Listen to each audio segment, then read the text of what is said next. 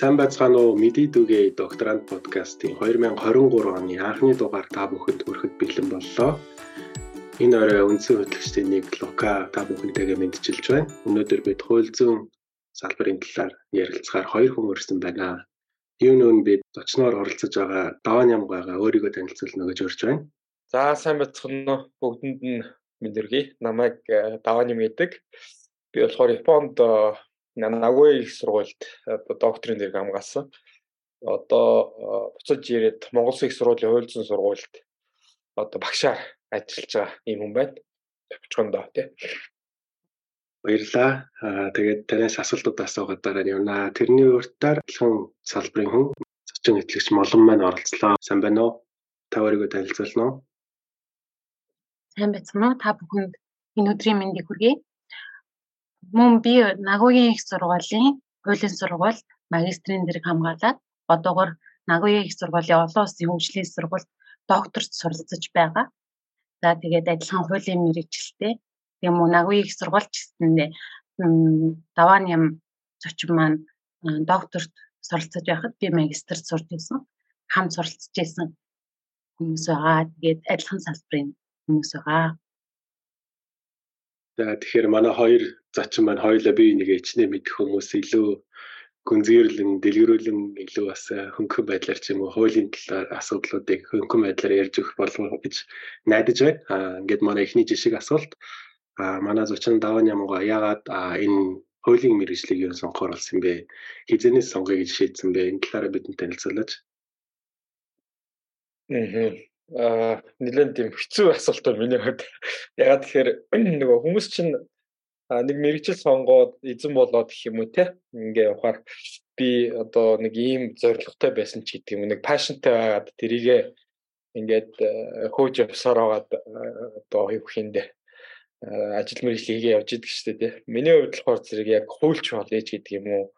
Өнгөөлөгч болъё, шүүгч болъё, хуулийн мэргэжилтэй болъё гэсэн тийм одоо тийм хүсэл зориг гэх юм уу те багаас байгаагүй. Тэгээд э, жоохон багтаа бол айлгуур их сонирхдаг. Тэгээд нийгмийн ухааны чиглэлийн хичээлүүдэд бас нэгэн гайгүй юм хөвгт байсан. Тэгээд э, конкурст бэлдэж байхдаа бол ер нь бол барилгын инженер болъё гэсэн ийм зорилготой. Тэгээд бэлдээд явчаад тэгээд би ч орон нутгаас тухайн үед конкурсч ирсэн. Тэгээд тухайн жил нөгөө нэг шүтээсийн барилгын инженерийн одоо анги нь манай аймагт ирээгүй. Тэгээд барилгын засал чимэглэлийн ирлүү яашаа. Тэгээд хотод очиод нэг авчиж гэдгийг мэдэхгүй мэдээл багтаа байсан. Тэгээд тухайн үед бол боломжит бас нэг гайгүй сургууль байсан нь бол хууль зүйн сургууль байсан. Тэгээд хууль зүйн сургуульд бол орсон. Тэгээд 5 э, жил сураад тэгээд Японд магистрт сураад, докторт сураад одоо буцаж ирээд ажиллаад тэгээд одоо эргээд харахад бол одоо мэрэгжлийнхаа сайхныг ингээ шинээр нээдэг гэх юм уу санаандгүй байдлаар их аятайхан мэрэгжил сонгосон юм байна да гэж ингэж бодож байгаа. Тэгээ яагаад аятайхан гэж бүхэл мэрэгжил мэдээч хэрэг сайхан бэ? Яагаад аятайхан гэж илүү гэхээр хуулийн мэрэгжил нэлээд тийм хүнийг хөгжүүлдэг гэх юм уу, дасралтгүй хөгжүүлдэг. Хамгийн одоо энгийнээр гэхэд бид нар чинь суур чадварууд гэх юм бол нэг ярих чадвар, бичих чадвар, унших чадвар, За тэгээд сонсох чадвар гэл ингээд суурь чадварууд ихтэй байдаг шүү дээ. Тэгээ хуульчид бол одоо энэ дөрвөн чадвар бол маш сайн хөгжсөн байх айгүй шаарддаг. Хамгийн энгийнээр нь одоо унших чадвар гэхэд бид нар бол маш хэмжээний ялангуяа нэг хуульч дотроо би судалгааны ажил хийдэг хүүхдүүдэд хичээл заадаг юм учраас их хэмжээний одоо материалыг бол богино хугацаанд уншаад тэрийг өөрийн болгоод хүнд илэрхийлэх юм шаардлагууд үүсдэг. За ярих гэхээр хулч чи одоо битсэн зүйлээ ч гэдэг юм уу унсан зүйлээ одоо ялангуяа миний хувьд бол багш байгаад байдаг дээрсэн дээ. Тэгэхээр тэрийг зэгцтэй зөв илэрхийлэх ч гэдэг юм уу. За сонсох чадварын асуудал те. Одоо багштай ирэхэд оюутнуудтайгаа харилцах тэднийг ойлгох. За өмгөөлөгч, шүүгч, прокурорын хувьд бол одоо банкын хуулийн чиглэлийн ямар нэгэн одоо проблемтэй асуудалтай хүмүүстэй харилцаж идэг учраас тэр хүмүүсийг одоо сонсож ойлгох чадвар За бичих чадвар бол одоо хуулийн бүхий л одоо зүйлс бол ярианаас гадна давхар ингээд бичиг баримтаар албан ёсны юмар явж идэг. Тэгээд алдаагүй бичгээс авахуулаад зөв илэрхийлэхтэй. Тэр нь ингээд нэг үгэн дээр л нэг жоохон нюансын алдаа гаргахад одоо гэрэн дээр ихэд өөрөөр ойлгогдоод ингээ мараан гарах эрсдлүүд идэр үүснэ гэдэг. Тэгээ энэ өнцгөөс харахад бол одоо хуульчийн мэрэгчл бол маш юу гэх юм өөрийгөө байнгын хөгжүүлээд ингээ яаж яхахыг шаарддаг. Тэгээд аятайхан гэж. За үүнээс гадна мэдээж хэрэг хуульч чинь нөгөө нийгэм маань маш хурдан өөрчлөгдөөд хуулийн ч гэсэн тэрийгэ дагаад ингээд өөрчлөгдөөд явж идэг учраас бүх юмыг ингээд маш хурдан catch up хийх гэх юм уу те. За дээрэс нь хилний бас одоо өндөр мэдлэгтэй байх дор хаяж нэгээс хоёр хилтэй байж ээж бусад одоо хөгжмийн орнуудын эрх зүй, шин соёлоодыг ингэж олж авч тэрэндээ дагаж хөвсөж өөрчлөгдөх гэдэг. Тэгээ энэ үүднээс харахад бол одоо сүүлд харахад гэх юм уу те эргээд харахад бол хуулийн мэрэгжил бол бас сонгоод ингээ явахад бол хүн насаараа хөгжих боломжийг олгодог ийм аятайхан мэрэгжил юм уу гэж ингээ шинээр нээж хараа. За баярлалаа. Санал нэг байна. Олон чадруудаас өөр салбартай харьцуулахад бол яг чухал дөрвөн чадвар гэсэн тийм байнгын хөгжүүлж явах хэрэгтэй дөрвөн чадвар үү. Товчон хэлж өгсөн маш их баярлалаа. За ингээд дараагийн асуултанд оръё. За манай подкастын хоёр дахь хэсэг асуулт болох. За одоогоор ямар судалгааны ажил хийж байна ээ? Өмнө нь хийж исэн судалгаануудынхаа талаар та товч дурдаж яг асуулт байна. За өмнө нь болохоор зэрэг ерөнхийдөө юунд нагуу их сургууль гэх юм уу те магистр докторт сурж байхдаа хийсэн судалгааныхаа хүрээнд ярих гэж бодож байна. Тэгээд тухайн үед бол миний яг мэрэгсэн салбар бол компани эрх зүй тэр дундаа одоо компани санхүүгийн эрх зүй гэж хэлэх юм уу corporate finance law гэж ингэ шилдэг. Тэгээд одоо компани маань одоо маш өргөн хүрээний үйл ажиллагааг явуулдаг. Тэр дотроо одоо санхүүжилт татгаасахгуулаад тий бид нэр одоо сүүлийн үед чи IPO ч гэдэг юм уу за одоо бонд гаргалаач гэдэг юм уу тий ингээ маш хэмжээний юм санхүүгийн зүйлүүдийг бол ярьдаг хүн болгон оролцдог юм болчих. Тэгээд энийг яаж зохицуулах юм бэ гэдэг За бид нэр corporate governance гэж үйл хийж байгаа компани засаглал эдэргээд Монгол улсын хувьд бол төрөмжит компани эдэргээд ингээд ярьж байна те. Эднийг бол тухайн үед бол судлаад Тэгээд хариуцлага их энэ хүрээнээс гэдэг юм уу? Хувьцаа эзэмшигчд нь ямар хариуцлага үйлдэх вэ гэдэг юм. Тийм тодорхой нэг ийм салбарт гэх юм уу илүү наривчлаад ингээд ороод бол судалж исэн. Тэгээд одоо бол буцаж ирээд Монголдо ирээд би юу судалж байна гэхээр яг манад яг ямар асуудал байна вэ гэдэг энэ зүйл тулгуурлаад за тэгээд тэнд олж авсан одоо суур мэдлэг судалгааны арга зүгээ одоо ашиглаад гэх юм уу те судалгаануудыг хийж байна.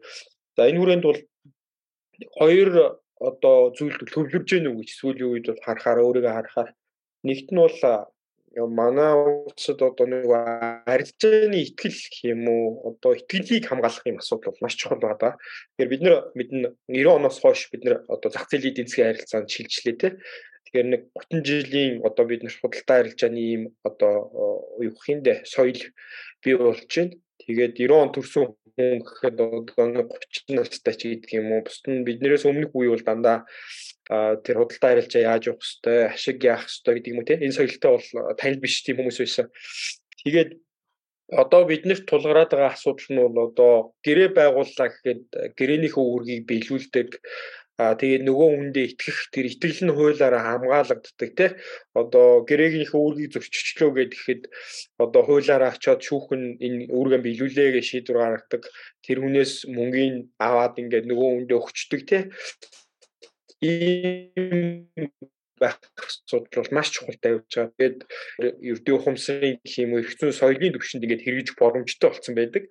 Манайд бол тэрний суугаагүй ч гэдэг юм уу юм байгаа. Тэгэхээр энийг илүү юу гэх юм одоо сайжруулахад эрх зүйн хөшүүргөөр итгэлийг нэмэгдүүлэхэд чиглэсэн ийм судалгаануудыг бол хийгээд байна. Тэгээ энэ нь ялангуяа сүүлийн үед бол би эрх зүйгээр одоо юу гэхиндэ зохицуултаар дамжуулаад илүү бага зардалтайгаар худалдаа арилжаа хийх боломжийг нэмэгдүүлэх гэдэг юм те. Одоо хамгийн энгийн жишээ нь гэхэд талууд нөгөө гэрээний харилцаатай хоёр талаас ингээ гэрээ байгуулъя гэхэд манайд бол одоо яадаг вэ гэхээр хамгийн ихнээд нөгөө тал нь хинбэн вэ гэдгийг ингэж судлахад айгүй төвөгтэй байгаад байдаг. За вебсайт эднэртэй байх юм бол бид нар ороод харчиж болно. Энэ ямар хэмжээний хөрөнгөтэй эдийн хугацаанд үйл ажиллагаа явуулж байгаа юм чи гэдэг юм уу те. За ингээд биднэрт бол улсын бүртгэл дээр open data ч гэдэг юм уу ингээд мэдээлэл байгаа. За тэн дээр нь бол нэг гүйцэтгэх удирдлага нь тэр компани энэ хаяг дээр байдаг ийм нэртэй гэсэн нэг юм мэдээлүүд л байж идэг. Өөрсдөө л ер нь дэлгэд тавихгүй бол одоо мэдээлэл авах боломж бол айгүй хомс байгаад идэг. Тэгээд энэ бол өөрөө эргээд нөгөө гэрээ байгуулах чаач гэдэг юм уу талаасаа харахад бол тэр болгоныг ингээд судлаад ингээд явна гэдэг бол зардал байгаад байна те. Нөгөө resource cost болоод энэ нэрээ эргээд хугацаа удаан болоод худалдаа харилцааны харилцаа ингээд маш удаашраад эхэлдэг. Тэгээ зах зээлийн харилцаан дээр бол маш хурдан бага зардлаар л ингээд явж явах хэвээр.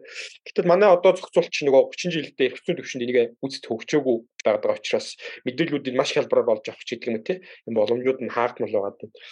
Тэгээд энэ рүү чиглэсэн одоо бусад улсад гэх юм уу Германд, Японд, Францад одоо ямар үед юм бэ гэж хараад илүү зардлыг багасгаад хурдан шуурхайл гэрээ байгуулад одоо евхэнд 8 хийх боломжийг л бүрдүүлэх гэдэг гэсэн үг тийм.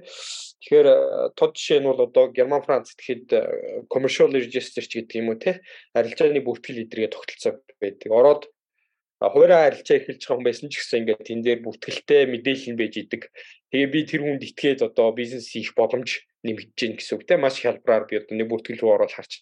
Тэгэхээр манайд бол хуурай арилжаа эхлэгчтэй одоо бид нэр одоо хамгийн наад зах нь Японд амьдарч байгаа босож ирээл гэхдээ галдгооны тавилга хийлгэх гэхэд одоо хин тандах уу? Нөгөө хүн хөлтаад мөнгөө ийцэн жаалга болчих уу? Аятайхан тавилга хийх үгүй ингээ мэд боломжгүй байгаа даа тий та хөнгөлөлтөй орнуудад бол тэр нэрээр нь ингээ хайхад бол тэр хүн тэдний оноос хойш юм үйл ажиллагаа явуулсан ч гэдэг юм ингээд мэдээллүүд гараад би ингээд маш хурдан тэр хүнийг сонгоод ингээ хялбараа явуул боломжууд бүгдчилж байгаа. Иймэрхүү юмнуудыг одоо Монголд нутагшуул боломжууд байна уу гэдэг өнцгөөс бол ер нь бол нэг хэсэг судалгаа маань бол хийгдчихээн нэг хэсэг судалгаа маань. Энэ бол маш өргөн хүрээнд бол ярьж болно. Итгэлийн хамгаална гэх юм уу? А худалдааны доктортой байдлыг бүрдүүлнэ гэх юм уу те За хоёр дахь нь бол сүүлийн үед а нэлээд төвлөрөөж гэх юм уу холбогдоод байгаа нь бол энэ төрийн өмч компаниудтай холбоотой эрх зүйн зохицуултыг сайжруулах, засаглалыг сайжруулахтай холбоотой судалгааг бол нэлээд хийж байна. Тэгээ энэ нь миний хувийн сонирхол одоо байгаагаас гадна Монгол улсын эдийн засгт маань өөрөө одоо энэ э, төрийн өмчит компаниуд бол нэлээд том одоо үүрэг өрөөлттэй байгаад байгаа тийм ээ бид нар ч одоо Эрдэнэ дээр Эрдэнэс таван толгой гэл энэ том компаниудын баг хүчин төл ер нь бол манай эдийн засаг маань явж байгаа бүгд мэдчихэе. Тэгээд төр засаг маань ч гэсэн энэ дээр анхаарч эхэлж байна. Тэгээд а энэ чинь нөгөө нэг э, хүснээрээ гэх юм уу хэн нэг ингээд дураараа одоо засгийн газар нэг хууль боловсруулах гэж байгаа гэхэд хийчихгүй. Тэгээд нөгөө эрдэмтэн судлаач гэдэг юм судалгаан дээр л үндэслэж хийх болно. Тэгээд төрийн байгууллага би өөрөө нөгөө мөсчин төрийн одоо нэг байгууллага үйлчлэгийн байгууллага ба. Тэгээд мөсийн багш гэдэг утгаараа одоо хууль тогтоомжийн боловсруулалт гэдэг юм уу энэ бодлогын төвшөнд одоо янз бүрийн юм дээр нь оролцохын боломжууд бас нэлээд нэгддэг. Тэгээ энэ хүрээнд бол эднэрийг сайжруулахад эрх зүйн зохицуултыг сайжруулахад, засаглалыг сайжруулахад ч гэсэн одоо ажлуудад их орж байна. Тэгээд энэ хүрээнд судалгаануудыг бол одоо давхар хийдэг.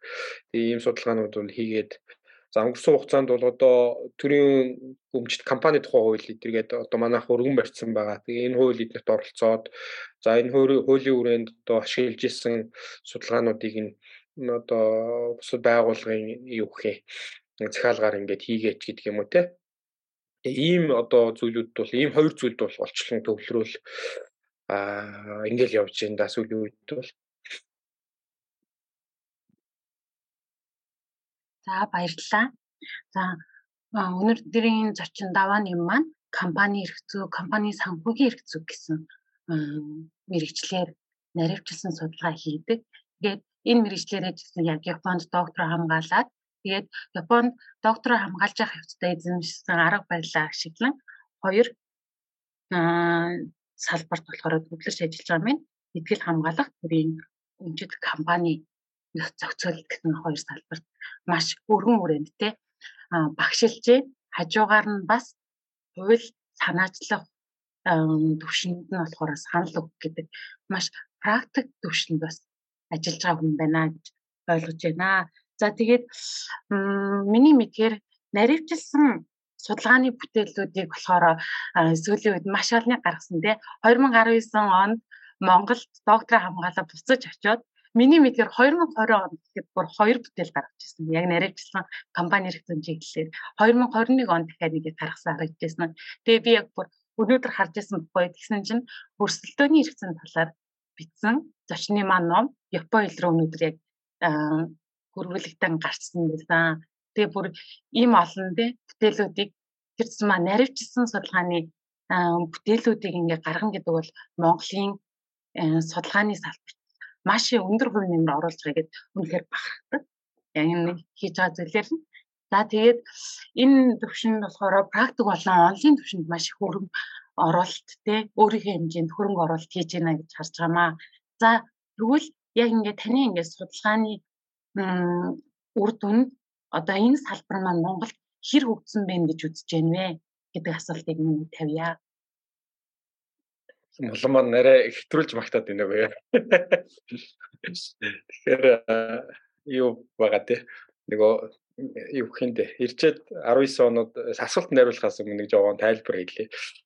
19 онд би ч одоо төгсөөл буцаж ирсэн. Тэгээд ирээд аа яг нөгөө Японыхон гэдэг юм уу research field гэдэг хэлдэг шүү дээ. Specialty гэдэг. Тэгэхээр болохоор зэрэг corporate finance law гэдэг юм байдаг. Тэр салбарын хүн байдаг. Тэгээ буцаад ирэхээр манайд бол одоо нөгөө тэр энэ болохоор компани хэрэгцээ арай тусгай наривчлан салбар нь компани хэрэгцээ маань хүртэл нэг хайхтар хөгжөөгүй гэх юм хүмүүс ингээ таниагүй нөхцөл байдалтай э, байж байна.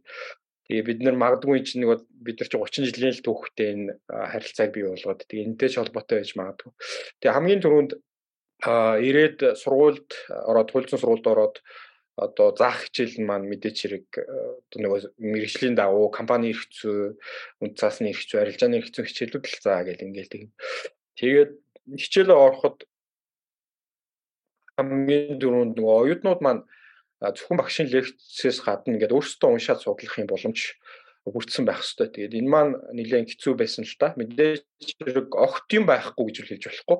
Гэхдээ яг компани хэрэгцүү гэдэг ийм зүйлийг оюутнууд маань тексттэйгээр нэг ингээд номноос унших боломж бол айгүй хомс байсан. За англи хэл эднэр дээр бол ингээд номнууд байгаа. Гэтэл бүгд бол бас англи хэлтэй биш. Дээрээс нь их сургуульч өөрийнхөө хэлээр тийм ээ оюутнуудаа ингээд хичээл заах хэвээр. Тэгээд ер нь бол хамгийн түрүүнд бол энэ салбараа хөгжүүлэх гэдэг юм уу эсвэл жижигхэн зүгээр хичээлийн заахын хувьд бол заахын тулд гэх юм уу те би юу оюутнуудаа монгол хэл дээр ингээд сурах чиг гэх юм уу номтой болох хэрэгтэй байна гэдэг л юм бодол ирж ирж байгаа. Тэгээд энэ маань мэдээж хэрэг залуу хүн туршлага багтай а дээрэс нь мундаг эрдэмтэд Монгол бас зөндөө бий тэгээд нэлийн зориг шаардч л байсан л та тий. Бас айтаахан юм бичээд нэг өөрөө хүн чинь хамгийн сайнаар л бэс дээр л гэдгээл хийж байгаа. Богино хугацаанд юм хийн. Тэгээд тэрийг маань өөрөө одоо ихтэйх юм болох уугүй юу бас тий. Хүн уншчихаар гэдэг юм хүнд мэдлэг дүүчгээр юм болох уу юу гэж бас айдас бол байсан. Тэгээд ямар ч байсан хийж үзэхгүй бол хөгжихгүй тэгээд өөрөө тэгээд баг багаар сайжраад явна гэдэг үднэс бол ирээл докторийн ажил хамгийн түрүүнд монгол хэл рүү орчуулсан. Тэгээ нэр томьёоноос авахгүйлаад ингээд байхгүй ч гэдэг юм уу те зүйлүүд бол монгол зөндөө тухайлах юм бол одоо англи хэлтэй moral hazard гэдэг нэр томьёо байна те. Тэгээ нэг монгол хэл рүү буулгах гэхээр яг буутсан хүмүүс буугаад ингээ өөр өөр хэрэглээд байгаа болохоос тогтсон нэршил байхгүй ч гэдэг юм уу те. Тэгэхээр тэрийг нь тэр жигт нь ингээд нөгөө юу буруу томьёо болоод ч гэдэг юм уу төрөгдүүлэхгүй шууд морал хазарт гэ хэрэгэлдэг ч гэдэг юм. Энэ минь бол бас хүмүүсээс шүүмжлэлүүд авч л байсан t. Тэгээ энэс эхлээд за тэгээ хичээ зааж байгаа хичээлийн хөөрөнд хөвзат компани одоо ном өөрийнхөөс мэрэгсэн салбарыг арай өргөн үрээнд аваад ингээд сурах чиг гаргадаг ч гэдэг юм уу те. За би ч өөрөө компани санхүү хүн байдаг. Гэтэл манайд чинь бас мэдээж мундаг хүмүүс зөндөө байдаг ч гэсэн а яг хүний нөөцийн хувьд бол бид нэр 3 сая хүн амтай болооч тэр юм уу эсвэл бас дутагдaltaй ийм талууд бол байдаг. А тийм учраас арай жоох өргөн үрээнд ингээд ажиллах судалгаа их ийм шаардлагууд үүсчлээ байна л. Тэгээ энэ ч утгаар одоо нөгөө өрсөлдөөн шудраг сүрстэй хэрэгжил байгаа газраас одоо мөсийн үйлдвэрийн сургуульд тийм тэ мөс хандаад ингээд бид нэр өрсөлдөөний их зүйн чиглэлээр ажилдаг хүмүүс нь ингээ хэрэглэх юм суур одоо хандбук те сурах чиг ч гэдэг юм юм ном гарах хэрэгтэй байна. Тэгээ бичих боломжтой юу гэдэг ингээд багаар ажиллах боломжтой юу зөвхөн би бол оролцоогүй. Тэгэхээр илүү өргөн хүрээнд компаниасаа ингээ жоохон салаад гэтээ ойролцоо тийм ээ. Жоохон хичээл зүтгэл гарахад ингээ бичих боломжтой ч гэдэг юм уу. Тэгээ ийм юм руу бол орох одоо шаардлагууд үүсэж байгаа ажлынхаа хүрээнд. Тэгээд сүүлийн үед бол сая гарсан дээр өрсөлдөөний эрх зүй гэдэг ном тий Эпойл руу бас ингээ орчуулагдсан байгаа. Энэ мэтчлэн арилжааны зүйн одоо хүчигч гэдэг юм уу а жоохон ингээд өргөсөөд гэдэг юм уу тэр салбарын юмрууд руу бол одоо ажиллах юм шаардлага бол тавигдж эхэлж байна. Тэгээ бусдыг хүлээх биш. Энэ маань өөрөө бас нийгэмдээ хэрэгтэй байгаад байгаа. За зарим нь үл ганцаараа угаасаа э, хийж барахааргүй ийм ажил байгаа учраас бусад сургуулийн багш нар сургуулийнхаа багш нартай ингээл хамтраал ингээд ажиллаж байна. За тэгээд асуултанд э, хариулъя те. Энэ салбар маань одоо миний сурсан гэдэг юм уу? Салбар маань Монголд хэр хөгжсөн байна вэ гэд тэгээд ерөнхийдөө компани санхүү компани эрх зүй гэдэг энэ хүрээнд бол би ойлгоод хариулъя. Тэгэхээр манайд бол яг хөгжил гэдгээ одоо юу гэж ойлгох уу гэдгээс шалтгааллах байх л та. Биднэрт бол одоо бусад оронд байдаг уу эрх зүйн зохицуултууд нь бол байгаад байна. Аа байгаад байна. За компаниуд дээр ч гэсэн компани тэр санхүү гэх юм уу тэр хүрээнд яригддаг бүхий л харилцаанууд нь бол байгаад байна. Байгаад байна. Тэгээд гол юм нь яг нөгөө тэрийг нөгөө онолтой цуг, онлынх нь үүднээс За дээрэс нь тэрийг нь мэгсэн хүн нь тэгээд яг компани дээр хэрэгжилж гин үү? За дээрэс нь хууль төрч одоо ингээд компани гэдэг чинь маш өргөн төрлийн харилцаанд гарч орж байгаа шүү дээ тий. Бусдаа гэрээ явуулж байгаа, маргаан гарах юм бол шүүхтэр очиод маргачгаа ч гэдэг юм уу. Тэгээд дээрэс нь тэр компани хууль гэдэг чинь их сургуулийн багш нар нь тайлбарлаж байгаа, өмгөөлөгч нар нь уншина, би өөрөө уншина гэдэг юм уу. Тэгэхээр ингээд өргөн үрээнд харахаар бол бүх ойлголтууд бол одоо манайд адилхан Японд, Америкт байдаг ойлголтууд хууль нь бол байж байгаа. А гол юм нь тэрийг нэг утгаар гэдэг юм уу те ер нь бол за бүр нэг утгаар биш юм а гэхэд нэг иймэрхүү л нэг чиглэлтэй шүү гэдэг нэг тийм зарчмын үрээнд гэдэг юм уу. Нэг иймэрхүү л байдаг гэсэн нэг тийм хүрээнд ойлгож хэрэглэнэ гэдэг бол их чухал юм шиг байна. Тэрийг л магадгүй хөгжил гэдэг бох те. Тухайлх юм бол Японд гэхэд нэг компани хуулийн нэг заалтыг гэхэд бол ер нь ихэнх өмгөөлөгч нар нь их сургуулийн багш нь шүүгчтэйгээ ийм л утгаар бид нар бол хэрэгэлдэг. Энэ дээр нэг ийм одоо өөрөөр хэлбэл байдаг гэдэг нэг ийм юм бол байгаад идэг те. Гэтэл манайд бол тэр заалтан дээр очингууд за энийг бол энэ шүүгч гэдэг юм уу хуульч нар нь за эсвэл магадгүй өмгөөлөгч нар мэдгүй байх тохиолдлууд байгаад байна. Тэ. Тэгэхээр энэ дээр л манайд бол ялгаа байна уу гэж би хараад байна те. Өөрөөр хэлэх юм бол бид нар бол ойлголтоо ингэж бүрэн нийгмээрээ таньж мдээгүй байна. А тэрэн дээрээ нэгцэн ойлголт нь хүрээгүй байна гэдэг. Тэгэхээр би энэ утгаар нь бол манайх бол хөгжил жоохон дутуу байна гэж хэлэх гээд байна гэсэн үг тийм. Бид нар бол хуулийг бол маш шалбар хийгээд байгаа байхгүй. Ер нь бол бусад улсуудын туршлагыг харж байгаа хэдэн мундаг хүмүүс суужгаад за төстэй хуулийг үл хийж болчих. Олон тэр хуулийг хэрэглэх тэр ойлголтуудыг нийгмээрээ бүгдээрээ мэддэг зохистой одоо яг хэрэглэх ёсныхын дагуу хэрэгжилж гэнэ үгүй юу гэдэг дээр бол манай нийгэмдэр Монголын хувьд бол асуудал байна. А тэгээд тэрийг нь бол одоо таниулах нь бол мэдээж хэрэг нэг чухал одоо хүн бол одоо их сургуулийн багш нар байгаа тий. А тэгээд энэ маань хугацаа шаарддаг юм шиг байна л та. Тэгээд одоо би ихэд оюутнуудаа зааж ийн тэр оюутнууд маань 5 жил одоо сураад төгснө. Ингээ ажил дээр гарна ингээд нэг тодорхой эргэлттэйгээр те ингээд бүхэн одоо юутай болоод мэдлэгтэй болоод ингээд явдаг. А тэгэхээр манайх бол бас ингээд явж л байна гэж ингээд шаарч байна те. Бас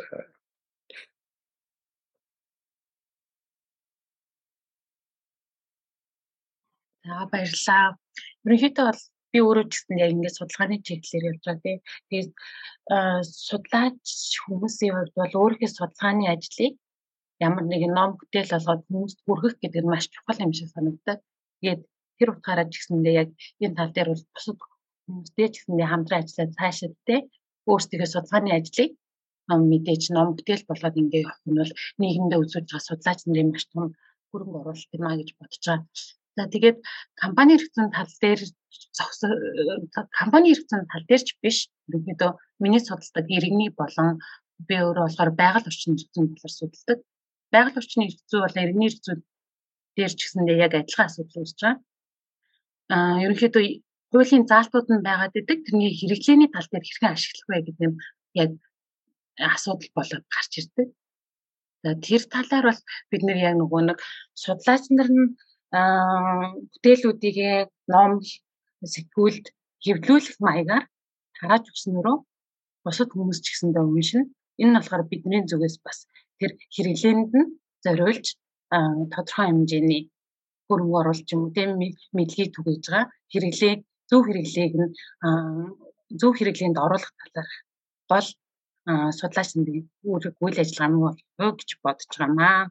За тэгээ дараагийн асуултын маань манай Лука тавих ба. За баярлалаа. Их дэлгэрэнгүй энэ эхний гурван асуултан дээр айгуу дэлгэрүүлмээр их гарчсан болохоор цааш нь үргэлжлүүлээд явъя гэж бодож байна.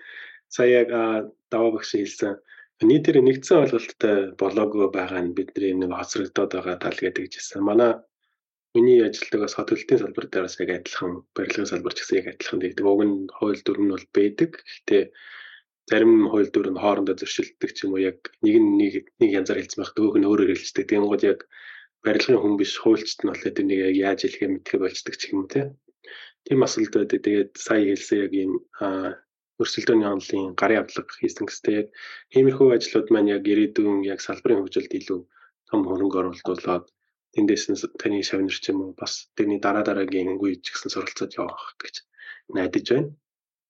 Аа за тэгээд миний эхний асуулт асууж бодсон яг нөгөө компани эрхцүү corporate оо corporate юу гэж хэллээ дөрөв governance corporate governance тий тэрнийг харж байхад айгүй энгийн зүйл асууж байгаад уучлаарай. Монголд ингээд нэг хүмүүс ажил хийлгэчээд хөлсийн төлдөггүй ч юм уу те эсвэл бүр хит одоо харьцангуй хямдхан үнээр үнэлж ажил хийлгдэг ч юм уу.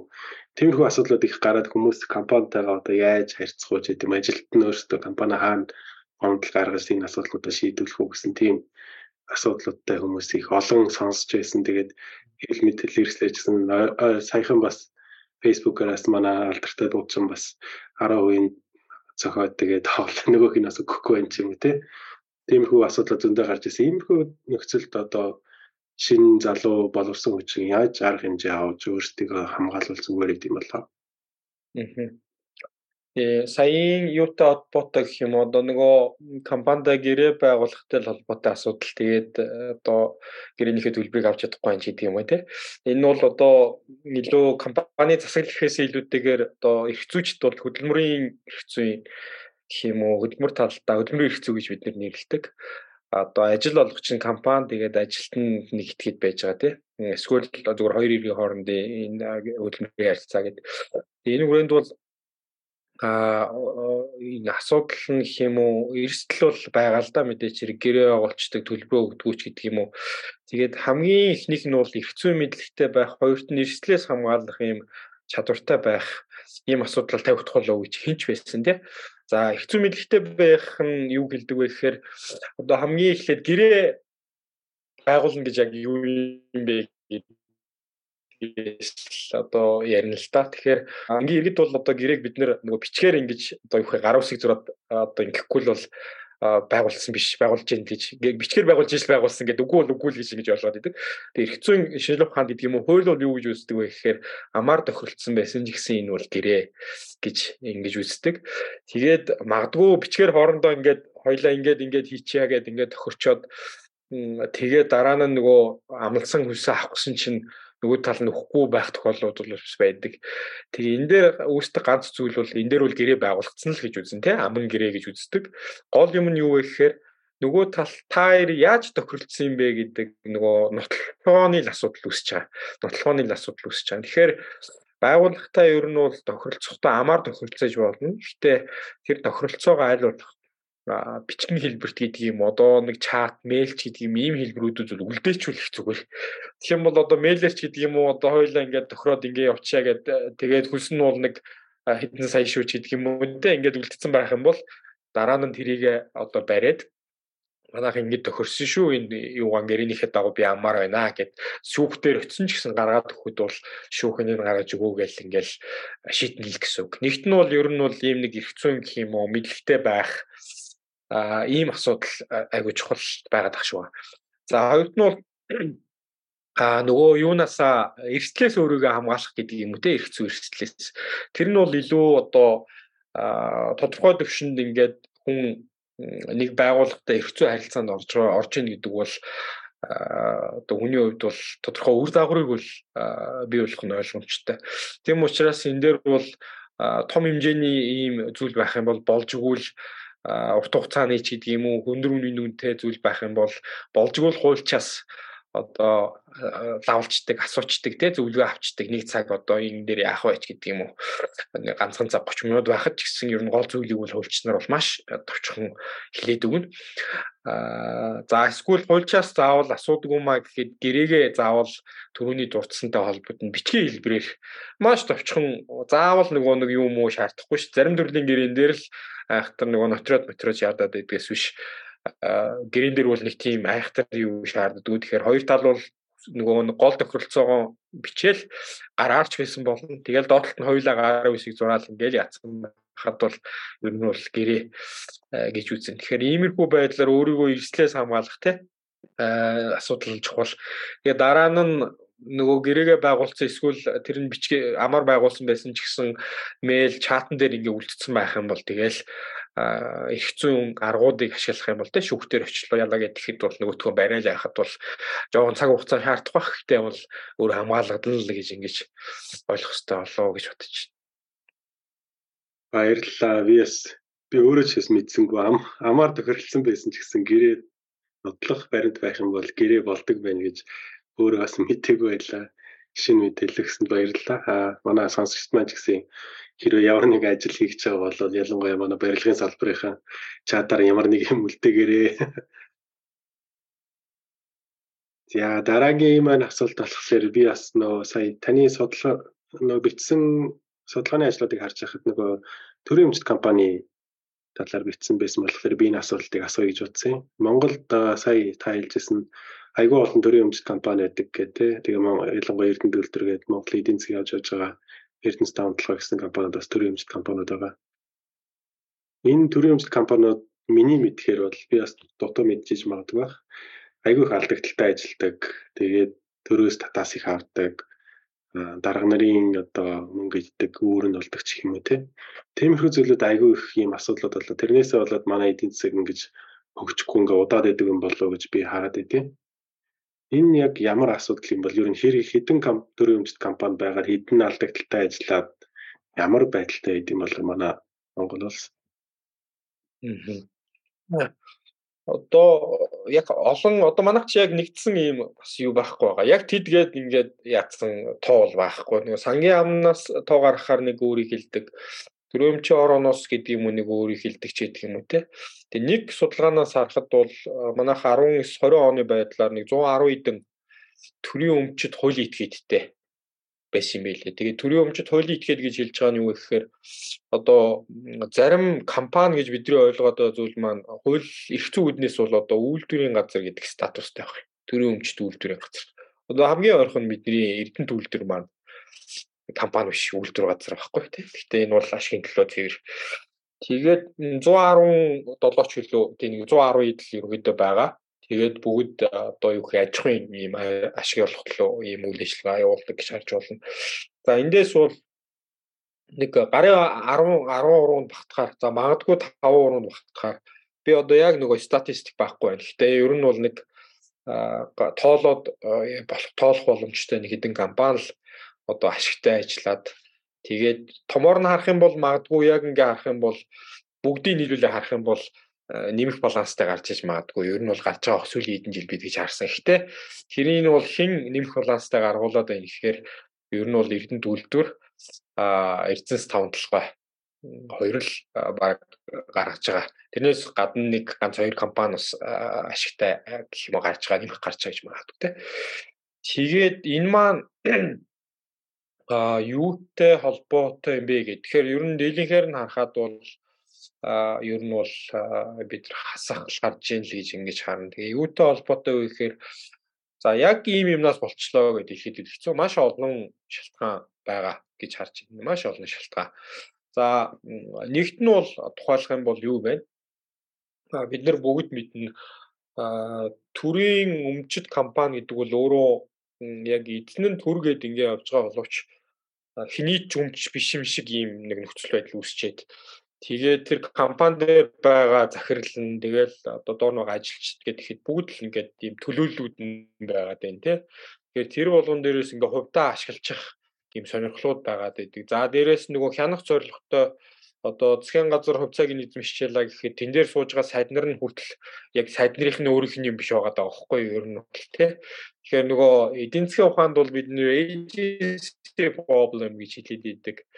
Аа монголоор бол эзэн төлөөллийн асуудал гэдэг. Өөрөөр хэлэх юм бол эзэн одоо байхгүйтэй холбоотойгоор гэх юм уу, хян чадахгүйтэй холбоотойгоор ингээд сонирхол нь өөр тийшээ ингээд мөнгөний шилжиж идэг ийм юм байгаа. Өөрөөр хэлэх юм бол өөрийн юм шиг хандахгүй байна л гэсэн үг шүү дээ, тий. За ийм асуудал бол нийтлэг байдлаар байж байна, байж байна. Тэгээд тэрийг одоо хэрэгжүүлж байгаа нөгөө ашигтай ажилуулахад өөр хүлээсэн байгаа тодорхой этгээдүүд тулгамж гэдэг юм уу те гүйс хөдөлгөөн нь гэтэл тэд нар маань яг юу мэрэгсэн юм этгээд биш компани удирдах одоо бид нэр хамгийн наазах нь апproach гэдэг юм уу Invescorch гэдэг юм уу ард даатгалыг харах юм бол ингээд гүйцэтгэх удирдлага нь яг мэрэгсэн юм хүмүүс байгаа даа хохоо олон танигдсан ингээд бизнесийн салбараараа явцсан тий. Гэтэл дөрөвмж компани дээр харахаар ямар байдаг вүлээ дээ юу битг штэ. Улс төрийн намын одоо эсвэл нэг оюутны залуучдын холбоогоор явцсан ч гэдэг юм уу те. Иймэрхүү хүмүүс гүйцэтгэх захирлын нэг улсын хурлын гишүүн байсан хүн гүйцэтгэх захирлын нэгэч гэдэг юм уу. Иймэрхүү дүр зураг өнөөдөр байлаа штэ. Энд чинь өөрөө нөгөө удирдах байгаа хүн өөрөө мэрэгсэн биш учраас эн чи яаж яах вэ гэдэг юм уу те. За бас заримны юмн дээр нь бол нөгөө компани ашигтай ажиллах өөрснөө хичээгээд ашигтай ажиллах боломжтой байсан ч гэсэн одоо үнийн зохицуулалттай юм компаниуд эдгээр байна л те. Цахилгаан станц эднэр дээр бол одоо цахилгааны үнийг бол одоо эдээс дэш болгохгүй чи нийгэмдээ нөгөө нэг юутай те иргэдийн амьдралтай шууд холбоотой. Тэгэнгүүт тэд байх хэрэгтэй гэж барьчингууд нөгөө компаниуд чинь яаж шигтэй ажил хийгээд э, тооцсон байсан. Тэрнээс ганц орлогыг үүсвэрнэ л иргэдийн цахилгааны төлбөр шүү дээ те цахилгаан станц эдний хувьд бол. Тэгэнгүүт ч одоо тэрийг э, нэмэх боломжгүй болчихвол алдагдaltaй гарна ч гэдэг юм уу те. Тэгээ алдагдaltaй гараад ангууд тэр компаниуд чинь угаасаа ашигтай гарахгүй бол нөгөө тоног төхөөрөмжийнхээ шинжилгээг хийж чадахгүй ч гэдэг юм уу те нэг иймэрхүү шалтгаан байна. За дээрэс нь түрүүний нөгөө миний яриадээс agency problemтэй холбоотойгоор хаа хаана нөгөө бүгд л төлөөллүүд байгаа учраас одоо бид нэр одоо ч үсээд байгаа энэ нүүрчний хулгай эдэр гэж яриад шүү дээ тий. Иймэрхүү магадгүй энэ тэндээс нь ярьж байгаа ч гэдэг юм уу хэл хавлын аргаар ингээд хөрөнгөний нийтээс нь зөрчилдсөн за магадгүй бид нэр сая нөгөө юун дээр хөгжлийн банкны кейсээр тэрнээс өмнө нөгөө юун дээр цэвти үйлдвэр дээр яриад байсан асуудлыг үйлдвэрийн газрыг аюул хямдаар ингээд хувьчлаад авцсан тийм ээ иймэрхүү асуудлууд ч гэсэн ингээд байгаад. Тэгэхээр маш олон шалтгаанууд бол байна гэж хараад байна. Гэтэ энийг одоо юу гэх юм бэ? Зөвхөн манад тулгарч байгаа асуудал биш. Энэ бол Монголынхоо үүднээс практикаараа ч гэсэн бусад улсууд ч гэсэн яг л байсан юм асуудал те. Бид нарт тулгарч байсан асуудлууд одоо 100 200 жилийн өмнө англичууд байсан, саяхан хэдэн жилийн өмнө японочууд л байсан юм асуудал. Тэрийг улсууд ингээд шийдээд ирсэн. Тэгээд бид нэр тэр одоо хүмүүсийн унсан нөхрөө бүгднөрөө нь одоо унахгүйгээр тийм ээ явах боломж бол олон бол байгаа л гэж хараад байгаа. Яг зарим нь бол заавал унахгүй унахгүй болдгүй юм шиг байна. Тэгжээж нийгмээрээ зочроо гэж ингэж яад юм шиг байна. Тэгээд энэ үүднээс бол одоо сая миний яриад байгаа судалгаануудыг гэх юм уу судлаач нарын энэ нөлөө гэх юм үүргээр бол аягүй чухал болж байна л гэж. Тэнд дуртай бурлаа л үдих За маш баярлалаа их товчхон бөгөөд тодорхойгоор дөрвөн одоо асуудлууд байгааг хэлж өглөө те. Тэгээд шийдэл нь өөрөө юу байх юм болоо гэж асууя гэж бодож исэн. Таны хэлснээр одоо хэний зөвмж биш болцоод байгаа байдлыг л засах хэрэгтэй юм байна. Бас өдөртөж байгаа хүмүүсийг мэрэгжлийн боловсон хүчнээр солих хэрэгтэй юм байна. Зарим үнийн зохицуулалттай компаниудын үнийг нь зах зээлийн одоо журамжилжүүлэгч хүмүүс л өөр байдлаар шийдэх ёстой байдаг юм байна Тэгээд хямдхнаар ингээ хөвчлээд байгаа гэсэн асуудлаас ч бас нөгөө зөвхөн Монголд байгаа шүү дээ. Өөр хувийн бас Америкч гэдэг юм уу одоо энэ чөлөө зах зээлтэй бүх орнууд ч гэсэн бүгд их ихтэй анханасаа дөрөв нэг компани байгуулаад тэрний явсараа том хувийн хвшлүүд болсон байдаг гэж олон уншижсэн болохоор гэтээ бас ойрын хугацаанд юу гэх юм нэг энийг нэг хичээл арай нэг жигдэрчэндээ гэсэн нэг тийм шийдэл танд байна уу? Хамгийн хамгийн юу бэ? Хамгийн түрүүнд бид нар одоо хялбараар хийх өстой зүйл нь гэх юм уу те бид нар хялбархан чадчих өстой зүйл нь юу гэхээр төрөөмжл компаниудын тузыг л яг мэрэгсэн хүмүүсээр бүрдүүлэх шаардлагатай байна.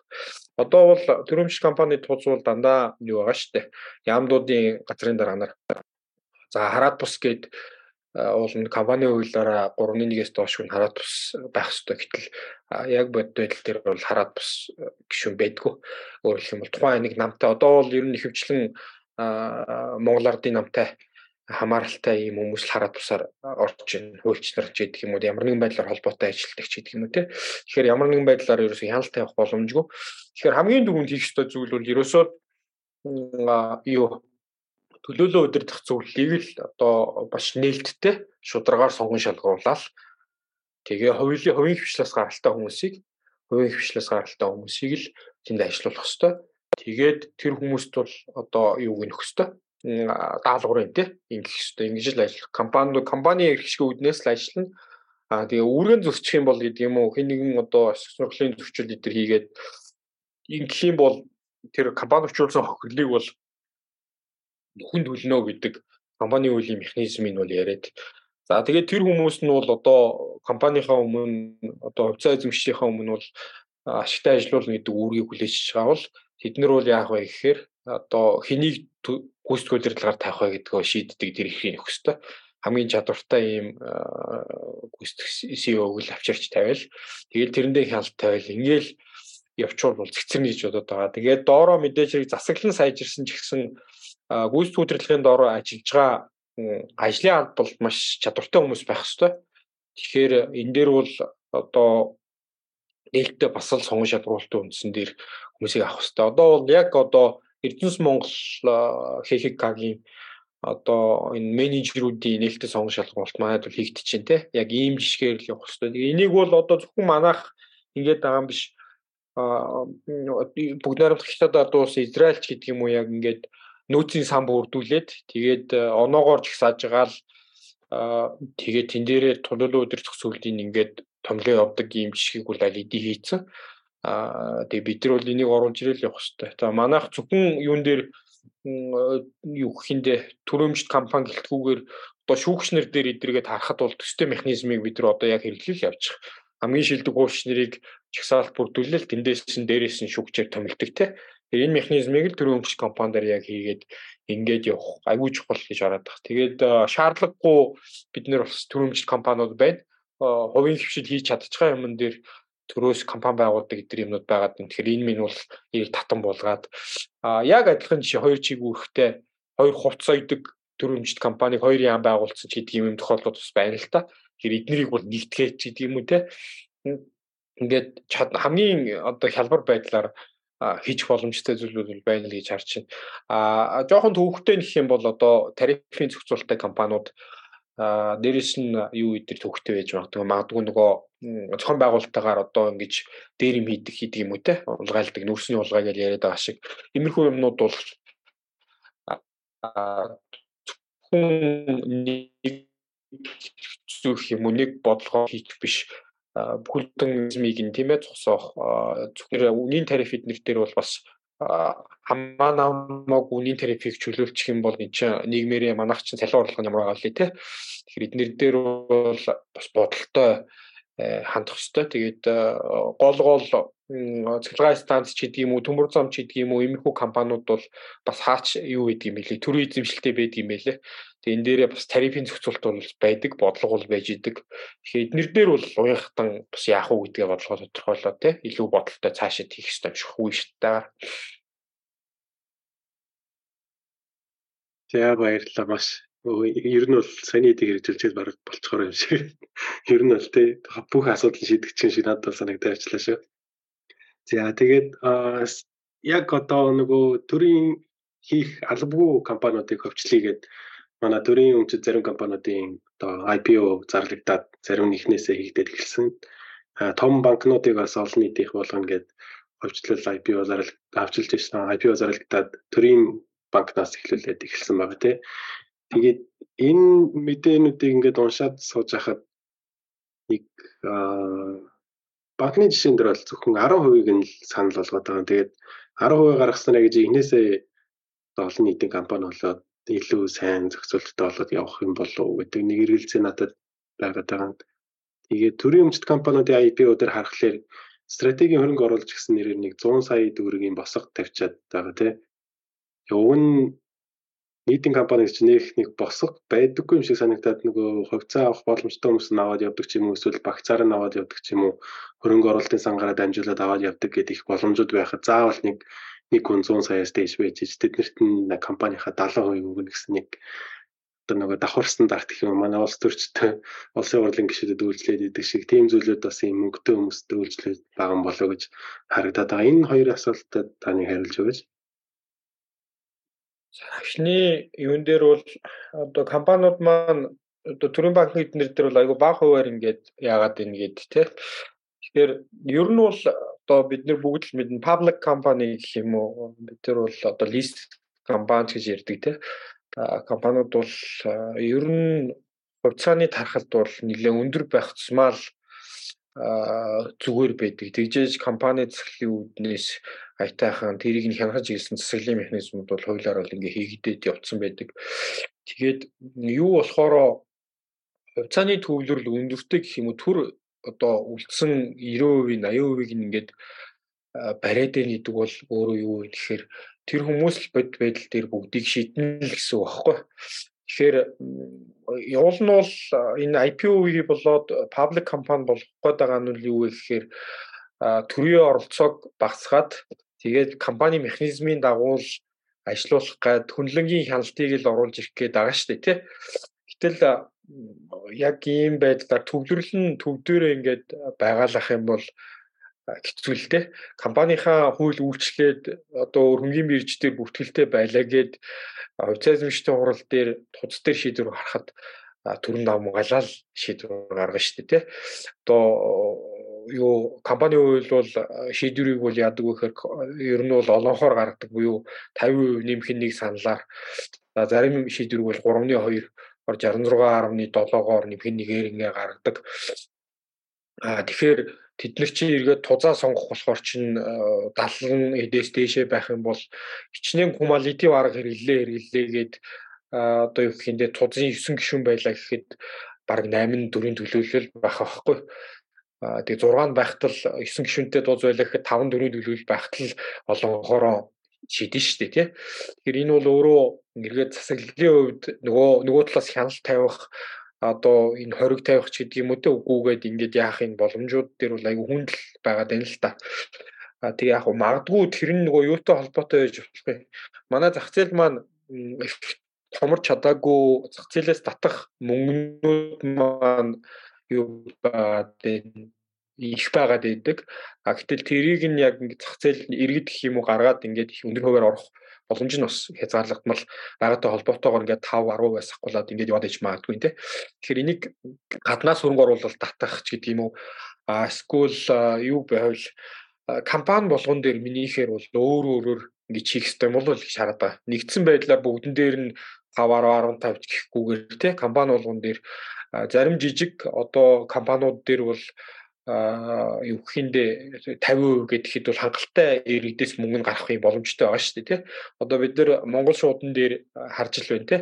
Монгол шуудан дээр гэхэд бол одоо ард санхүүгийн нэгдэл айгүй өндөр хувьтай орцсон учраас энэ компани бол айгүй хяналт сайтай утас дээр нь гэхэд нэлээд өндөр төлөөлөлттэй тий 20 хувьтай ингээд хайтаахан хамгийн баг амжилттай кейс нь яваад шүү дээ тий. Гэтэл тийм биш байгаа дээ. Тэгэхээр хамгийн одоо ор хаяжвал бид нар бол одоо компани их зүйлсийг хяналтын багц гэж хэлээд байдаг. Тэгэхээр тэр нь бол 3.1-ээс дээшийн ер нь бол олон нийт болох шүү дээ. Хамгийн одоо үгүйдээ яадаг ч гэсэн үг тийм. Яагаад тэгэхээр дөрөндөө өөрчлөлт оруулъя гэхэд 3.1-ийн дэмжлэггүйгээр дөрөндөө өөрчлөлт оруулж болдгоо компани. Тэгэхээр тэрийг олон нийт болгоцсон байхад төр хүснээрээ компаниг өөрчлөх боломжгүй л гэсэн үг. Суур асуудлыг өөрчлөх боломжгүй болчих гэсэн үг. Ингэжээж эн чинь нөгөө нэг олон нийтийн их рүү ойртоод байгаа байхгүй. Төр хүснээ хийж чадахгүй болох гээд шүү дээ тий нөгөө этгээдүүдийн юугаар олонхоор хамгийн наадлан дээр. Тэгээ дээрэс нь чадах юм бол минийхээр бол а төрөйг хянах гэдэг юм төрцөө дүүцхүүц хэмжээний бас стратеги хөрөнгө оруулагч нар байх ёстой гэж хараад байгаа. Тэр нь сая Лукагийн асуусан хоёр дахь асуулттай холбогдох болов тий одоо 100 сая ч гэдэг юм уу ийм юм тавиад байгаа нь өөрөө хэр зохистой вэ гэд. Тэгээд магадгүй ер нь бол юу байх юм бол зах зээл нь өөрөө юу шиг Япон шиг Америк шиг ч гэдэг юм ингээд бүгд одоо хувьцаа эзэмшигч болчлоо гэхэд эрхээ эдэлж чаддаг, хэрэгжүүлж чаддаг ийм мэдрэг тэгээд юм дээр нь хувьцааны үн жоохон мэдээнээс бол өсвөл буурч чаддаг ийм болчих юм бол биднэрт бол ийм одоо юу тавих нөгөө цохимжгүй оновчгүй те 100 сая ч гэдэг юм уу. За манайд бол одоо ямар байгаад энэ гэхээр бид нар чинь зах зээлийн харилцаанд шилжээд 30 жил болцсон. Тэгээд хувьцаа эзэмшигч өөрөө одоо бид 1200 хувьцаатай. Тэгээд хувьцаа эзэмшигч нь ямар хэрэгтэй вэ? Nokia шиг авах юм уу юу гэдгийг мэдэхгүй хүмүүс ч гэсэн байгаа. А эсвэл бусад компаниуд дээр бүр нөгөө өмч хөвчлийн дараа хоёр тасалбараар хувьцаа эзэмшиж яатсан ч гэсэн тэрийг хэрэгжүүлж мэдэхгүй энэ хувьцаатайгаа ч мэдэхгүй юм хүмүүс байгаа даа байхгүй.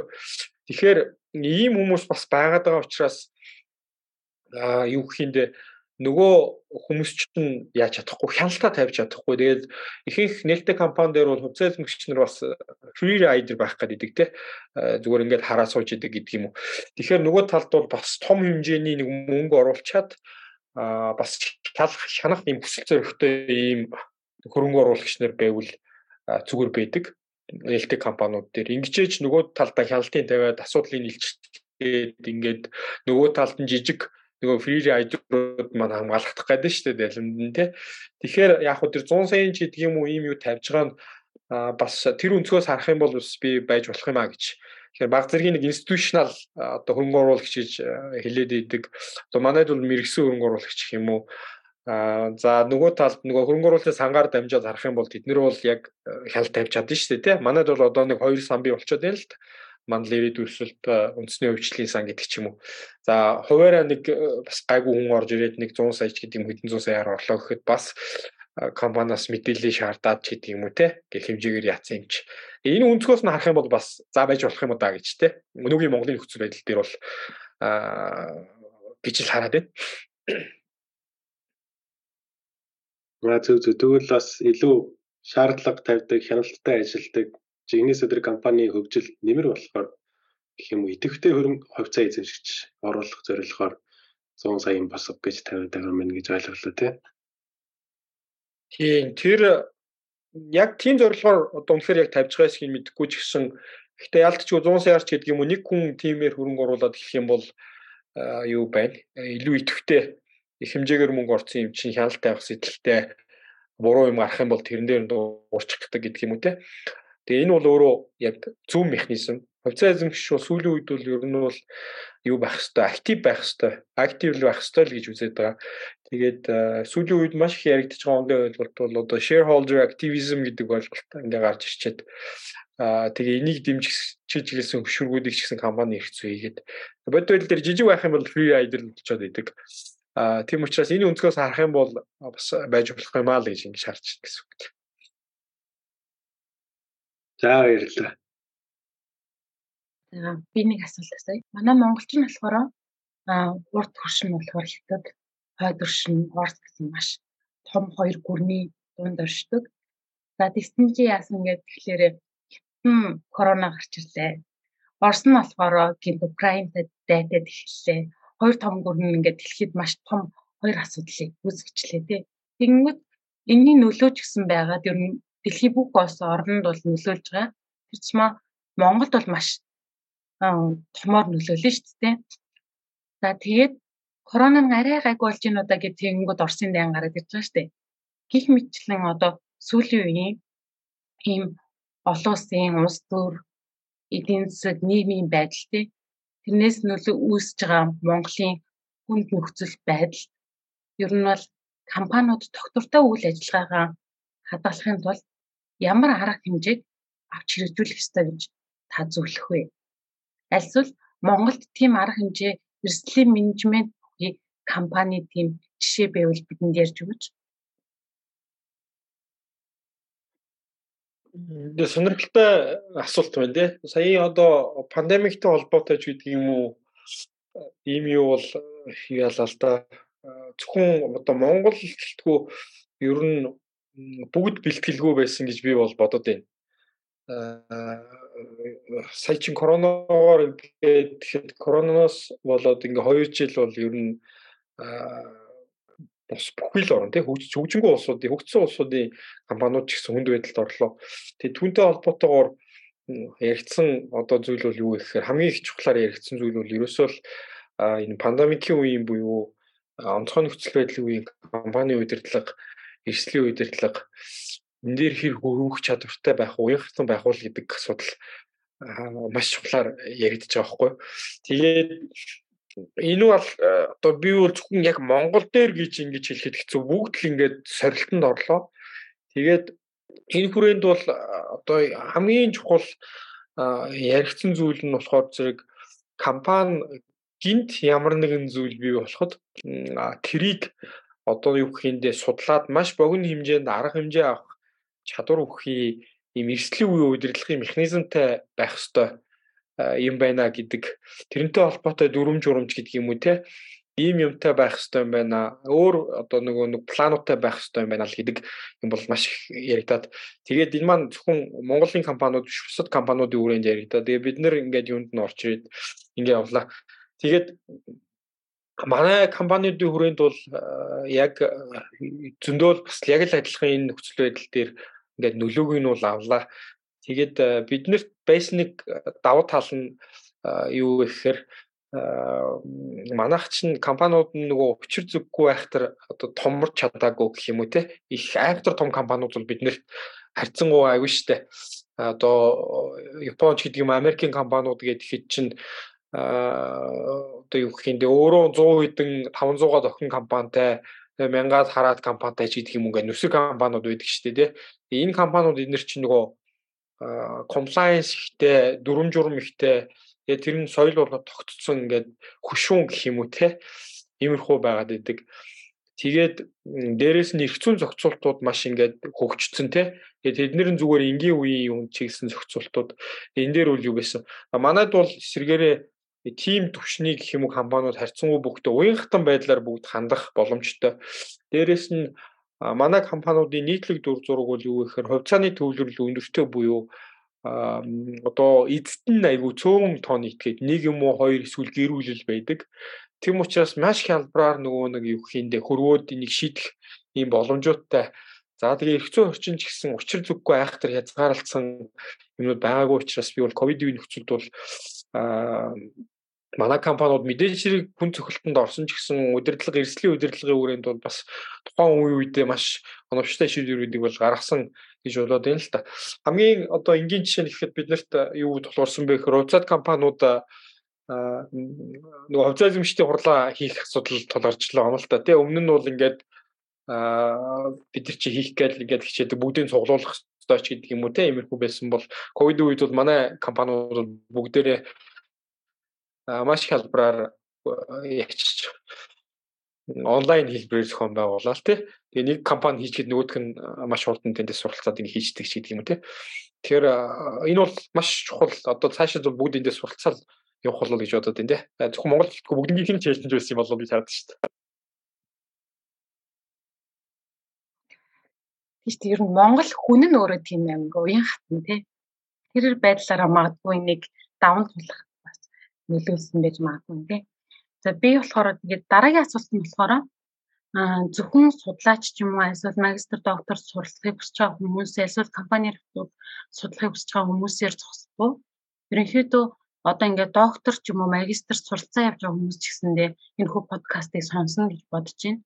Тийм учраас одоо магистрт суралцаад докторт ингээд суралцаад төгссөн үеэр тэр чинь доктор суралцааж явах хугацаанд өөрт чинь тулгарч исэн ямар ямар асуудлууд байсан тэрнийг даван туулсан аргаасаа доктор суралцгаа хүмүүстэйгээ хуваалцаач гэж яа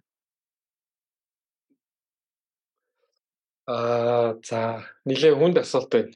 Тэгээ би нэг хоёр өнцг бас хариулах гээд оролт. Тэгээ нэгт нь доктор сурч байхад нилээн төвхтэй гэдэг юм өндөрлөлтөй байсан цагийн менежментийн асуудал байсан болов уу гэж бодоод байна. Тэгээд цагийн менежментийн асуудал гэд хэлэхээр чинь одоо тухайлах юм бол докторийн сүүлийн жилд бол нэлээд тийм өндөр стресстэйгээр ажиллах шаардлага гүйцэтгэдэг. Тэгээд тэр бол одоо зөвхөн надаар хязгаарлахдаггүй бүхий л докторийн эднүүд бол тулгардаг.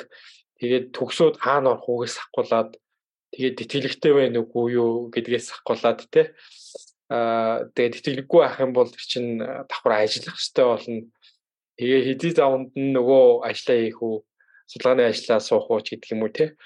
Тэгээд чинь бүтэн нойртой хонохгүй бол төвлөрөөд ингээд сууж ажиллаж чадахгүй ч гэдэг юм эрүүл мэндийн асуудал хүртэл тавигдана. Тэгээ хажуугаар нь докторийн маш өндөр хэмжээний стресс байгаа гэдэг юм те. Тэгээ энэ бол нилээн юу байгаад байсан. Над бол нилээн тийм одоо төвхтэй гэх юм уу те өндөрлөлтэй байсан. Би бол нилээн бас яаж иж шалж ээж юм үзчихээж докторийн зэрэг бол авсан л гэж бодоод байгаа. Тэгээ зөвхөн би биш тийм биш байх гэж бодож байна. Тэгээд эргэн тойр найзуудаа харж байхад ч гэсэн ер нь бол бүгд бол нэлээл чардаж иж бол авж байгаа харагдсан. Тэгэхээр энэ үрээнд бол ер нь нэг тийм юу магадгүй зөвхөн докторийн үрээнд биш жоохон өргөн үрээнд ч гэсэн энийг ярьж болох бах.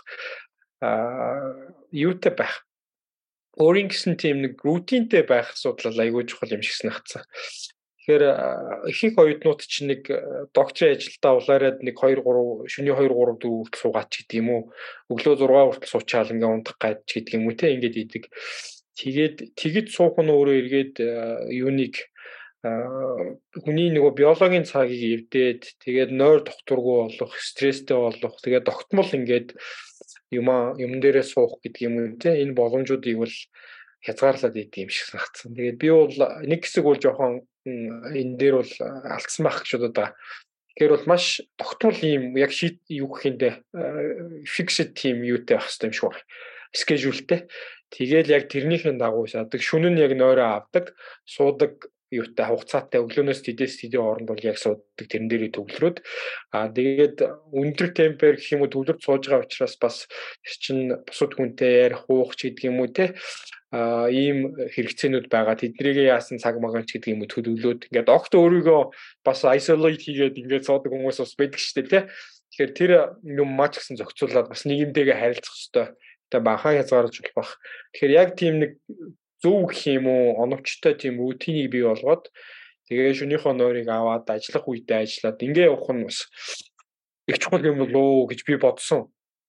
Тэгээд энийг бол зөвхөн доктороор дутхгүй одоо мастер, бакалавр тэгээ энгийн одоо бидний өдөр тутмын амьдрал дээр ч гэсэн ийм рутинтэй байх асуудал ер нь бол маш чухал гэж хараад байна. Тэгээ энэ бол хүний бидний яаж ч өвчлөж чадахгүй биологитой шууд холбоотой. Тэгээд бидний биолог өөрөө бидний одоо productivity гэх юм уу те бүтээмжтэй шууд холбоотой учраас энэ дээр л бид нар маш сайн анхаарах хэрэгтэй юм болов уу гэж бодсон. За хоёр дахь нь болохоор хүнээсээ шалтгаалаад ялгаатай байх боломжтой асуудал байгаа. За энэ нь болохоор зэрэг өдөрдөгч багштайгаа маш сайн ойлголцох эсвэл өөртөөгөө маш сайн ойлголцож чадах ийм өдөрдөгч багштай байх их чухал юм болоо гэж утсан. За зарим хүний хувьд бол удирдахч багш нар гэдэг юм уу? Зарим багш нар бол маш тийм юу хүмүүс байдаг те. Одоо гоё хүмүүс зөөлөн гэх юм уу? Тэгээд ингээд оюут намаас халамжлаад ингээд явдаг. А зарим хүмүүс дээр бол тийм биш хүмүүс ингээд таардаг. Эсвэл хоёр хүний одоо vibe нь нийлэхгүй ч гэдэг юм уу байх юм боломжтой шүү дээ тийм учраас анханасаа ер нь бас удирдахч багшаа сонгохдоо бас бид хоёр нийцгүүгүй юу тэгээд ямар шуухан характертай хүн байна гэдгээ их харуул зүгээр юм шиг санагдсан. Тэгээд э, би бол өдөрдөгч багштайгаа манай багш бол тийм юу хүн байсан. Одоо юу гэхиндэ одоо нэг тийм нэг typical Japanese гээд байдаг шүү дээ тий. Ер нь бол тийм нэг айгу зөөлөн тэгээ шин сэцөө тий. Ясаши юм хүн байдаг. Тэгээ тийм хүн бол байгаагүй. Тэгээд юу юмыг шахахгүй гэх юм уу те хичээл мичээлд нь шахахгүй. Тэгээд чи бол хийхээ бол хийгээл яв гэдэг. А гэтээ нөгөө одоо юу гэхэд дундын нэг ихтгэл мэлтгэлж гэдэг юм яах хэвээр юм дээрээ бол явах юм бол тэрийг харж өгнө гэдэг. Тэгэхээр тэр нь бол одоо надад бол тухайлах юм бол айгүй хараад исэн гэх юм уу те би бол өөрөө нэг хайхтар хүнээр шахуулах дургуугаар өөрөө юмаа хийгээд ингэ явчих боломжтой байсан учраас өөрийнхөө гарах юм дээрээ бол гаргаад бусад нь юмаа хийчээд багштай хугацаанд ингэ яваад ах гэдэг юм уу те. А гэтэл зарим хүмүүний хувьд бол одоо ингээд шахуулахгүйгээр гэдэг юм уу эсвэл тийм юу байхгүйгээр бол юм хийдгүү төрлийн ч гэдэг юм хүмүүс бас байдаг юм шиг байлээ. Тэгэх юм бол одоо ингээд нийцэхгүй те ингээд залгардуулаад явсаар хугацаанд нөсчдөг. Тэгээд их их докторийн үед эдгээр чинь 3 жилийн хугацаатай тэгээд тэтгэлийн тэрүүгээр зогсдог ч гэдэг юм уу те. Тэгээ энэс хойш ингээд асуудал үүсэл гів гүнтхэн стресс үүсдэг ч гэдэг юм уу юм асуудлууд байдаг ч гэдэг юм уу. Тэгэхээр зөвхөн дээр хичээл чадвараас гадна бас өөрийнхөө харилцаа тэгээд нөгөө хүнтэйгээ нийцгүй үдэр гэдгээ бас яг магистр докторийн төвчний сургалтууд дээр бол анхаарах хэрэгтэй юм шиг санагдсан.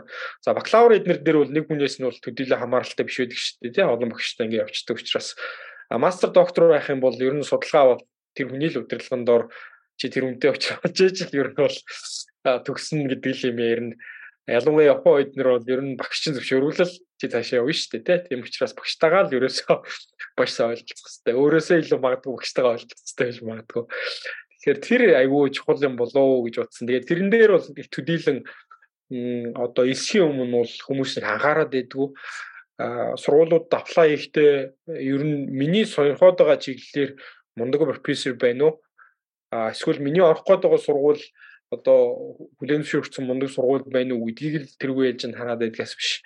Яг тэр юун дээр жоохон бага ач холбогдол гэдэг юм уу гэж харж ирсэн. Тэгээ би сүүлд бол эргэн тойрны одоо найзуудаа гэдэг юм уу цуг сурж ирсэн хүмүүсээ харчаад бол тэрийг бас анхаарах хэрэгтэй юм байна гэдэг.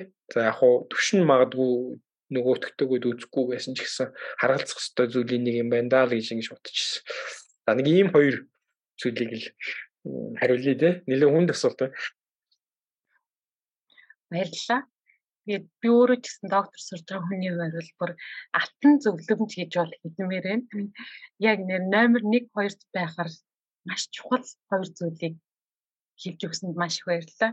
Тэгээд би бол ер нь бол шахалдаг тайп юм шиг байгаа. Манай багш намайг шахаал явал хийнэ гэсэн.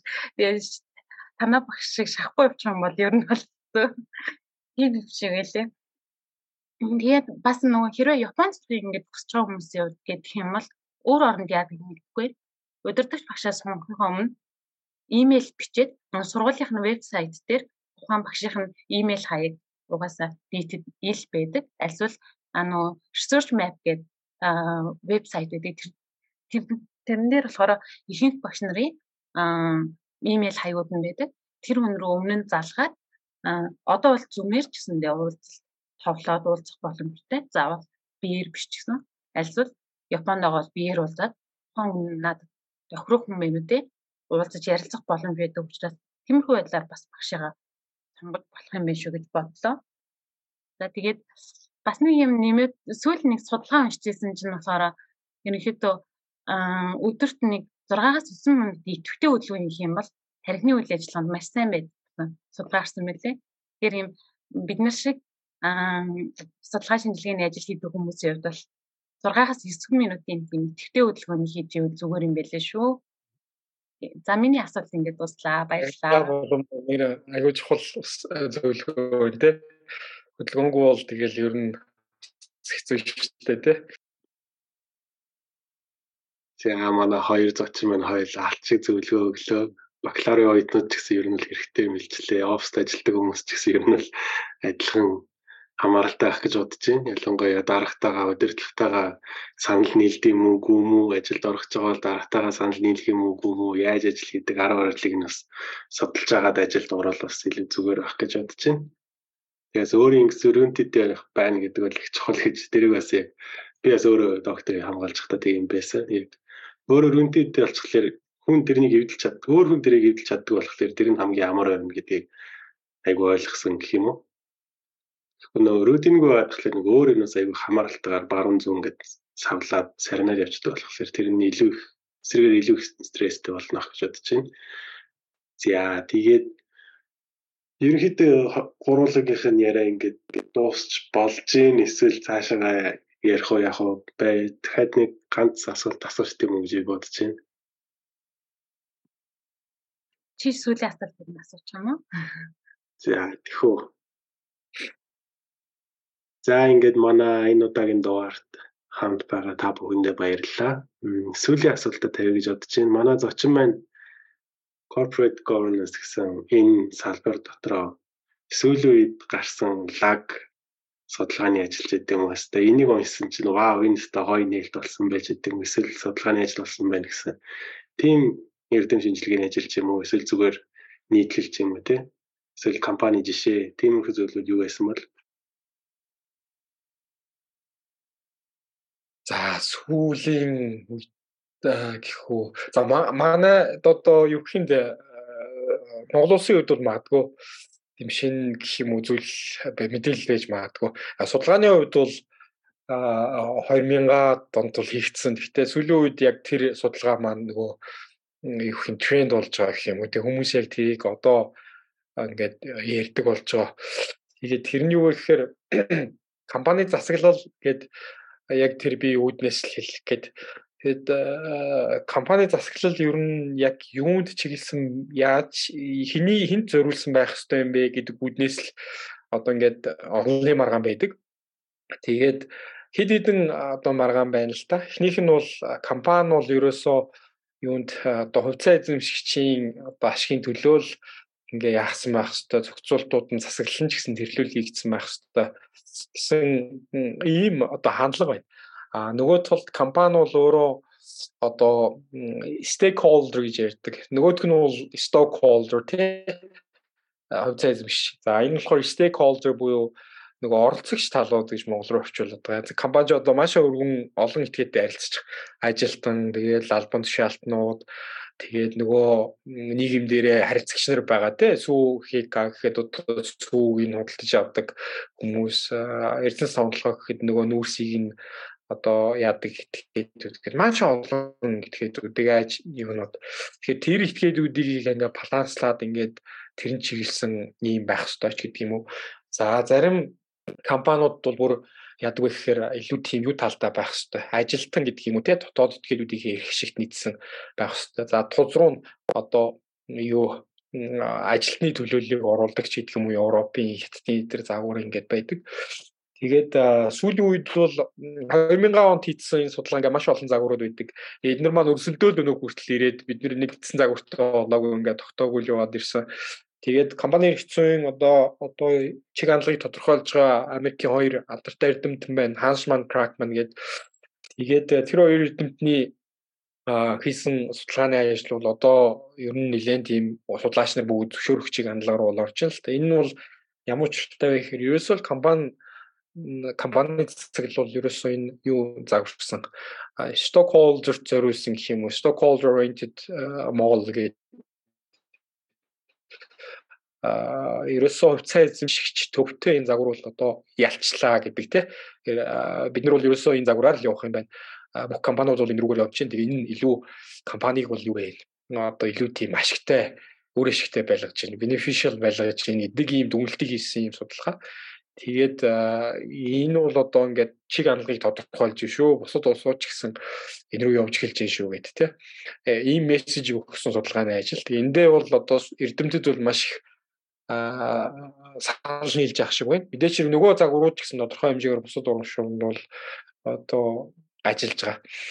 Аа гэхдээ энэ чиг хандлагын үүднээс бол засаглал механизмуудаа хийгээд явах нь бол одоо тодорхой шүү гэдэг те энэ рүүгээ явах нь илүү компани ч гэсэн илүү үр ашигтай байна шүү эдийн засгийн үүднээсээ л гэдэг ийм мессеж байгаа.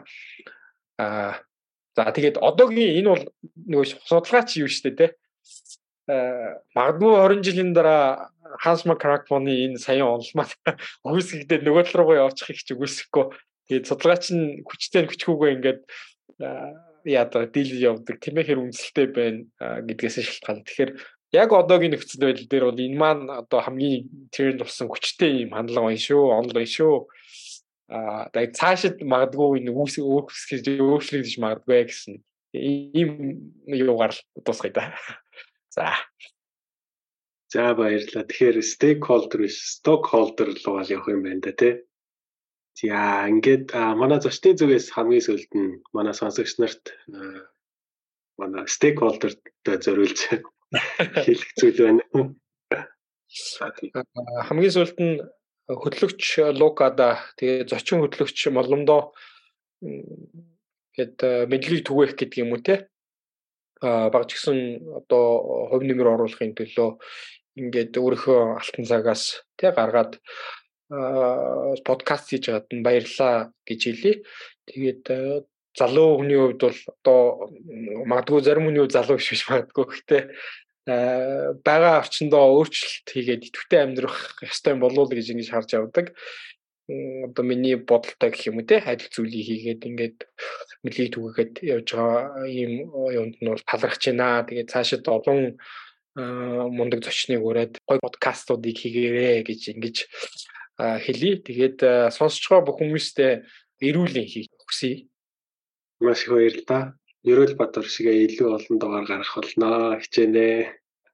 За ингээд манай өнөөдөр зочин хөтлөгчөөр анх удаа орж ирсэн боломдоо маш их баярлалаа. Манай зочин хөтлөгч маань энэ дугаарыг ямар санагдав? Анх удаага подкаст хөтлөж үзэж гин үү? Эсвэл өмнө хөтлөж байсан уу? Өөрийнхөө сэтгэлээс хуваалцаач.